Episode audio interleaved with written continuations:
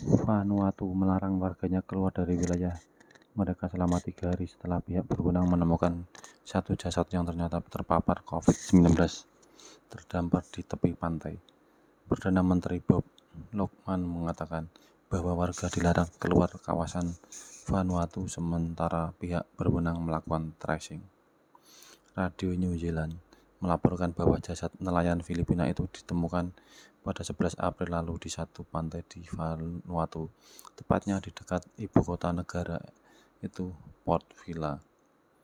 Di hari itu, satu kapal tanker berbendera Inggris melaporkan bahwa ada satu kru mereka tak berada di dalam armada ketika berangkat dari pelabuhan di Port Vila.